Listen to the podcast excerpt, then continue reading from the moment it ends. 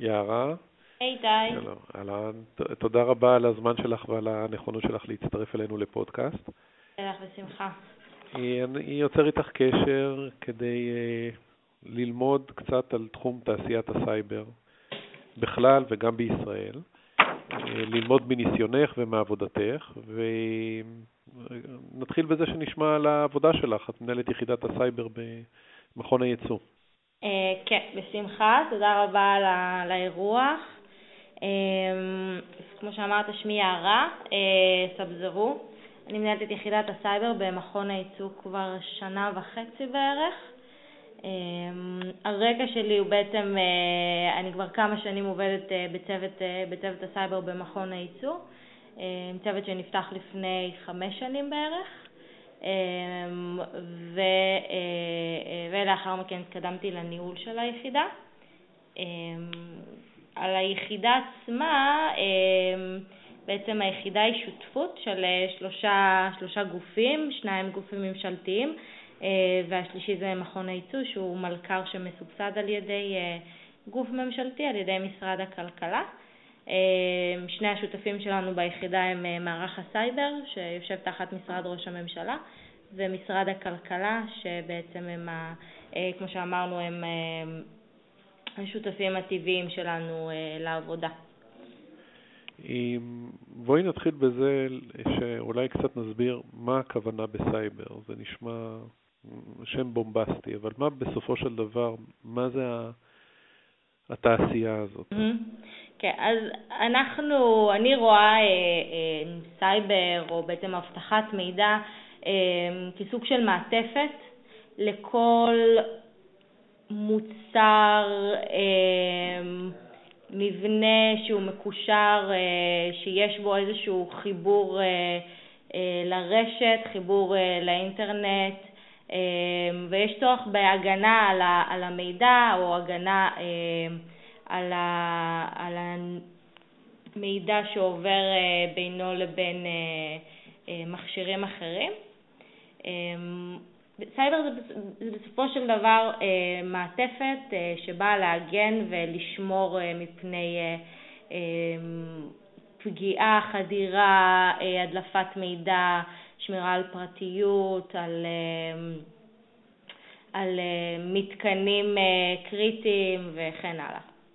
אז למה אנחנו מדברים על זה בעולם הטכנולוגיה, גם בעולם ההשקעות, שיש אה, ענף סייבר, ולמה זה לא אה, למעשה חלק ממעטפת יותר גנרית של חברות טכנולוגיה בתחום התקשורת? מה- למה זה משהו ייחודי? אני חושבת שבשנים האחרונות אמ, סייבר נהיה איזושהי אה, מילת מפתח. נהיה מאוד פופולרי לדבר על אבטחת סייבר. אני חושבת שזה עולה, שזה בא בגלל שמתחילים להבין כמה הצורך בפתרונות הגנה אה, של סייבר, גם ברמה המדינית וגם ברמה של אה, הסקטור הפרטי, כמה הוא נחוץ. אמ, אם לפני עשר שנים, או נגיד אה, 15 שנה, לכולנו היה איזה טלפון אה, אה, קופסה של אה, נוקיה שלא לא היה בו, להתחבר לאינטרנט אה, היה אה, משהו מיוחד, אז היום הרמת, אה, האופן שבו אנחנו מחוברים כל הזמן, אה, אם זה המקרר שלנו אה, מחובר לווי-פיי ואפילו אה, הבוילר שלנו מחובר אה, באיזושהי מערכת של בית חכם שנוכל להדליק אותו מהטלפון וכן הלאה, אז כל הטכנולוגיה החדשה הזאת, ובאמת מדהימה, גורמת אה, מצב שאנחנו כל הזמן פגיעים, 24/7. ה- אז אנחנו, אז העולם, החברות, המדינות, מבינות שהן חייבות איזשהו אה, פתרון כדי אה, בעצם להמשיך אה, להתקדם, אה, להמשיך עם הקדמה הטכנולוגית, אבל לא, לא להיפגע. וכאן באות כל החברות בעצם שבאות לתת לזה מענה. אה, יש המון חברות, יש המון פתרונות, יש בארץ אה, קמו מעל 700 חברות בתחום הסייבר, שזה נכון שיש הרבה מתחרות, יש הרבה שבעצם יושבות על אותה משבצת, אבל יש גם הרבה חברות שבעצם מציעות פתרונות לנקודות מאוד מאוד אה, נישתיות. אז כל יום קם איזשהו פתרון יותר מתקדם, שבא לענות על איזושהי בעיה חדשה שעדיין לא דיברו עליה, אה, שבא לתת איזושהי נקודת מבט שונה, וככה בעצם הפכה להיות תעשייה מאוד מאוד גדולה, שבאה לענות על צורך מאוד מאוד קריטי שנהיה בשנים האחרונות. למעשה, כל התעשייה הזאת זה פחות או יותר עשור. אמ, קצת יותר, אבל... אמ, במיתוג הזה של סייבר. כן, כן, אפשר להגיד שזה נכון. אפשר להגיד שבשנים האחרונות הסייבר בארץ הפך, אה, נהיה יותר הייפ סביבו. אמ, בערך מ-2014-2015 אנחנו רואים איזושהי האטה במספר החברות אה, החדשות. ב-2010 נגיד ראינו על המון המון חברות אה, חדשות שנפתחו, אה, ואנחנו רואים בשנים האחרונות שהשנתיים, שלוש שנים האחרונות שהתעשייה מתחילה להתבסס, יש פחות חברות חדשות שנפתחות, החברות הקיימות מתחילות אה, לעבוד יותר מחוץ לישראל, מתחילות להתבסס, מקבלות השקעות גדולות וכן הלאה. אז אפשר להגיד שהתעשייה הזאת היא כבר לא תעשייה אה, בתחילת דרכה, או... עד או... כמה היא גדולה? אה, במונחים כספיים. היא מבוססת כבר. במונחים כספיים, על, על איזה היקף פעילות מדובר בתעשייה הזאת? אז אה, בבדיקות שלנו, אה, במחקרים שאנחנו עושים בתוך היחידה, אנחנו רואים שנכון אה, ל-2018 היקף הייצוא עומד על 6 6 אמ, ביליון דולר, אמ, כאשר אנחנו מחלקים את זה גם ל-6 מיליארד דולר, כאשר אנחנו מחלקים את זה גם להכנסות אמ, של חברות בינלאומיות שעושות פעילות בארץ, אה, בעצם אה, הכנסות של ההון האנושי הישראלי שעובד שם, גם היקף המכירות של הסטארט-אפים שעומד אה, באזור ה-600 מיליון דולר, גם החלק אה, של החברות הגדולות יותר, ה-Champions של התעשייה אה, בתחום הסייבר, שזה חברות כמו צ'ק פוינט, סייבר ארק ועוד וכן הלאה, ומכירות של אה, חברות שהן לא חברות סייבר אבל יש להן מוצרים של מוצרי הגנה כמו רפאל, תעשייה אווירית, אלביט ויש עוד כמה. ועד כמה אתם חשים כרגע במצב הכלכלי הנוכחי, עם כל המלחמות סחר, עד כמה התעשייה הישראלית אה, מצליחה להתמודד עם גידול בייצור? עד כמה הביקושים של מוצרים ישראלים חזקים? אמ, זו שאלה מעניינת. אני...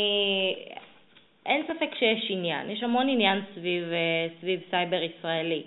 חושבת שאפשר לתת אה, הרבה, הרבה מזה בעצם לעובדה שהתפתח פה ecosystem מאוד מאוד ייחודי, יש מחקר, המון מחקר אה, באוניברסיטאות הישראליות סביב סייבר ויש אה, את כל העבודה שבצה"ל סביב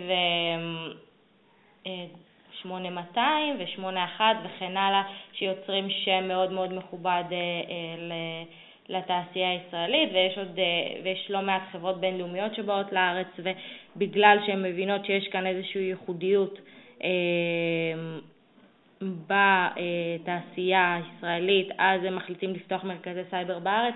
אז יש הרבה עניין סביב, סביב זה, אני חושבת שזה עוזר לחברות הישראליות. אני חושבת שהחברות הישראליות, רוצ...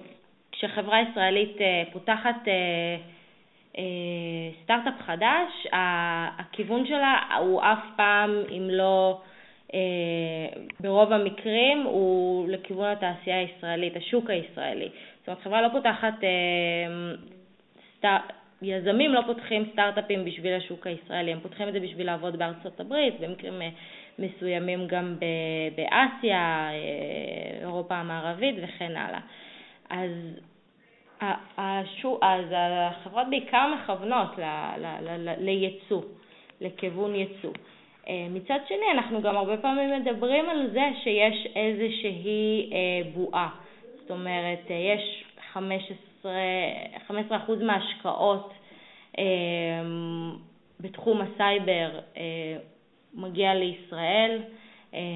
יש המון המון תמיכה בחברות הישראליות, אבל יש גם... 15 אחוז, את מדברת מה, מההשקעות? השקעות העולמיות. העולמיות הן מגיעות לישראל בתחום כן, ה... בתחום הסייבר. אז יש המון תמיכה בחברות, מצד שני גם יש המון, לפעמים אומרים יש, יש יותר מדי חברות קטנות, פחות מדי חברות גדולות ומבוססות, ולפי דעתי השלב הבא בעצם שחברות יצטרכו להתחיל לחשוב עליו זה איך הן מתחברות, איך הן עובדות ביחד, יוצרות פרויקטים משותפים ומציעות איזשהו פתרון אחיד. למנהלי אבטחת מידע, לסיסואים וכן הלאה. כי בסופו של יום הסיסו צריך נגיד את הפתרון של שחמש חברות מציעות. כל חברה מציעה איזשהו רכיב, איזשהו טכנולוגיה שתהיה רלוונטית אליו, אבל עבור חברה גדולה, נגיד, סתם נגיד את ברקליס, לברקליס יהיה קשה לעבוד מול חמישה ונדורים, מול חמישה סטארט-אפים, בייחוד שהרבה מהחברות לא נמצאות, אין להם רגליים בקרקע באותה מדינה בתחילת דרכה, אין להם רגליים בקרקע מחוץ לישראל, אז אני חושבת שהפתרון בעתיד, כדי להתגבר על, על, על הכמות הגדולה של החברות ועל ההיצע הגדול שיש, זה שחברות יצטרכו למצוא דרך להתחבר, לייצר איזושהי הצעה משותפת ו- וככה לעבוד מול ונדורים גדולים. איך לפי, הסקיר, לפי הסקירה שלכם מועסקים בתעשייה הזאת משהו כמו 21 אלף איש בישראל? Mm-hmm. ממה שאנחנו מכירים זה כוח אדם מאוד איכותי ברמות שכר מאוד גבוהות, שיש מצוקה של אה, כוח אדם בתחום הזה. Mm-hmm. איך משפיע כל אה, נפילת המטבע, זאת אומרת התחזקות המאוד מאוד חזקה של השקל מול הדולר והאירו ולמעשה מול כל המטבעות, איך זה עושה את המוצר הישראלי תחרותי? מרגיש, האם, האם מרגישים קושי בפעילות בשקל? בתעשייה כזאת? אמ, זה לא משהו שאני אני ספציפית אה, אמ, שמה לב אליו, או שיש לי תשובה אה, דפנית אה, שאני יכולה לתת לך. אנחנו כן רואים שיש קושי, אמ, יש הרבה תחרות על העובדים, יש הרבה כוח אדם הופך להיות איזשהו משאב אה, שקשה להחזיק ולוקח אמ, זמן למצוא את האנשים הנכונים, בייחוד שיש תחרות גם אה, עולמית על, אה, על אותו כוח אדם. זה איזשהו אתגר שאני מכירה שברמה הממשלתית מנסים למצוא לו פתרון, אם זה להתחיל הכשרות בגילאים צעירים, אם זה לעשות הכשרות אה, לסקטורים אה, כמו אה, לאוכלוסייה הדתית או לאוכלוסייה הערבית, יש איזשהו אתגר מאוד מאוד גדול שמנסים לראות איך אפשר למצוא לו פתרון, בייחוד שהצורך רק יגדל עם השנים ומבחינת הון אנושי רואים שזה לא, לא עומד בצורך. אז מה עם הפעילויות שלמעשה המדינה, איך היא תומכת, אה, מכיר את הפרויקטים שהם רוצים להקים אה, באזור באר שבע, תמיכה מאוד גדולה לחברות אה, של סייבר, אבל איך, איך למעשה המדינה נערכת להגדיל את המשאבים האלה? בפרט שאנחנו נמצאים בתקופה של גירעון ממשלתי, יש, יש מקורות מעבר ל... כן. לרצון? אז, אז אני אישית לא יכולה לדבר כמובן בשם הממשלה, כי אני לא עובדת מטעם הממשלה, אני עובדת מטעם המלכ"ר, אה, מטעם מכון הייצור. אה, אני יכולה להגיד שיש, אה, אני בתור מי שמייצגת את יחידת הסייבר, אה, יש אינטרס לאומי לקדם את התעשייה הישראלית. אה, ואינטרס לאומי לייצר כמה שיותר הזדמנויות עסקיות עבור התעשייה הישראלית, ו... זה בא לידי ביטוי בהמון משאבים ששמים אה, לטובת יצירת אה, אה, פעילויות מחוץ לישראל, לייצר קשרים עסקיים עם גופים פרטיים כדי בעצם למנף את החברות הישראליות. אני יכולה להגיד שהיחידה הצליחה ב-2018 לייצר עסקאות עבור תעשייה ישראלית בשווי של 3.8 מיליון דולר. אז יש המון המון עבודה והמון משאבים שמושקעים לטובת העניין. אה, זה בעיקר בא לידי ביטוי גם ביצירת קשרים עם שחקנים מובילים מחוץ לישראל ובסבסוד משמעותי של עלויות אה, של פיתוח עסקי ושיווק אה, ובעצם יציאה פיזית לשווקים הרלוונטיים עבור החברות. למה את מתכוונת בסבסוד? אמ, זאת אומרת, אה, לדוגמה, אה, יש תערוכה בארצות הברית אה, שנקראת RSA, שהיא תערוכה מאוד מאוד חשובה עבור התעשייה הישראלית, והשתתפות בה היא מאוד מאוד יקרה. עלות, עלות התחלתית, בלי שמדברים על חשמל וכל מיני לוגיסטיקות אחרות, מתחילה מ-20 אלף דולר. רוב התעשייה הישראלית לא יכולה לעמוד בהוצאה של 20 אלף דולר להשתתפות בתערוכה. מה שאנחנו עושים זה בעצם אנחנו אמ, דואגים אה, לסבסד השתתפות של חברות ישראליות תחת איזושהי מעטפת ישראלית, אנחנו מקימים ביתן לאומי אה, בתערוכה ואז בעצם אנחנו מספקים את השטח הזה לחברות הישראליות בעלות מאוד מאוד נמוכה אה, של כמה אלפים בודדים. ואז אה, בצורה הזאת בעצם אנחנו נותנים את הפתח לחברות לתערוכה, זאת אומרת אנחנו נותנים להם את האפשרות אה, לדריסת רגל בתערוכה שהם לא, יכלו, לא היו יכולים להיכנס אליה אה, ללא הביטן הלאומי.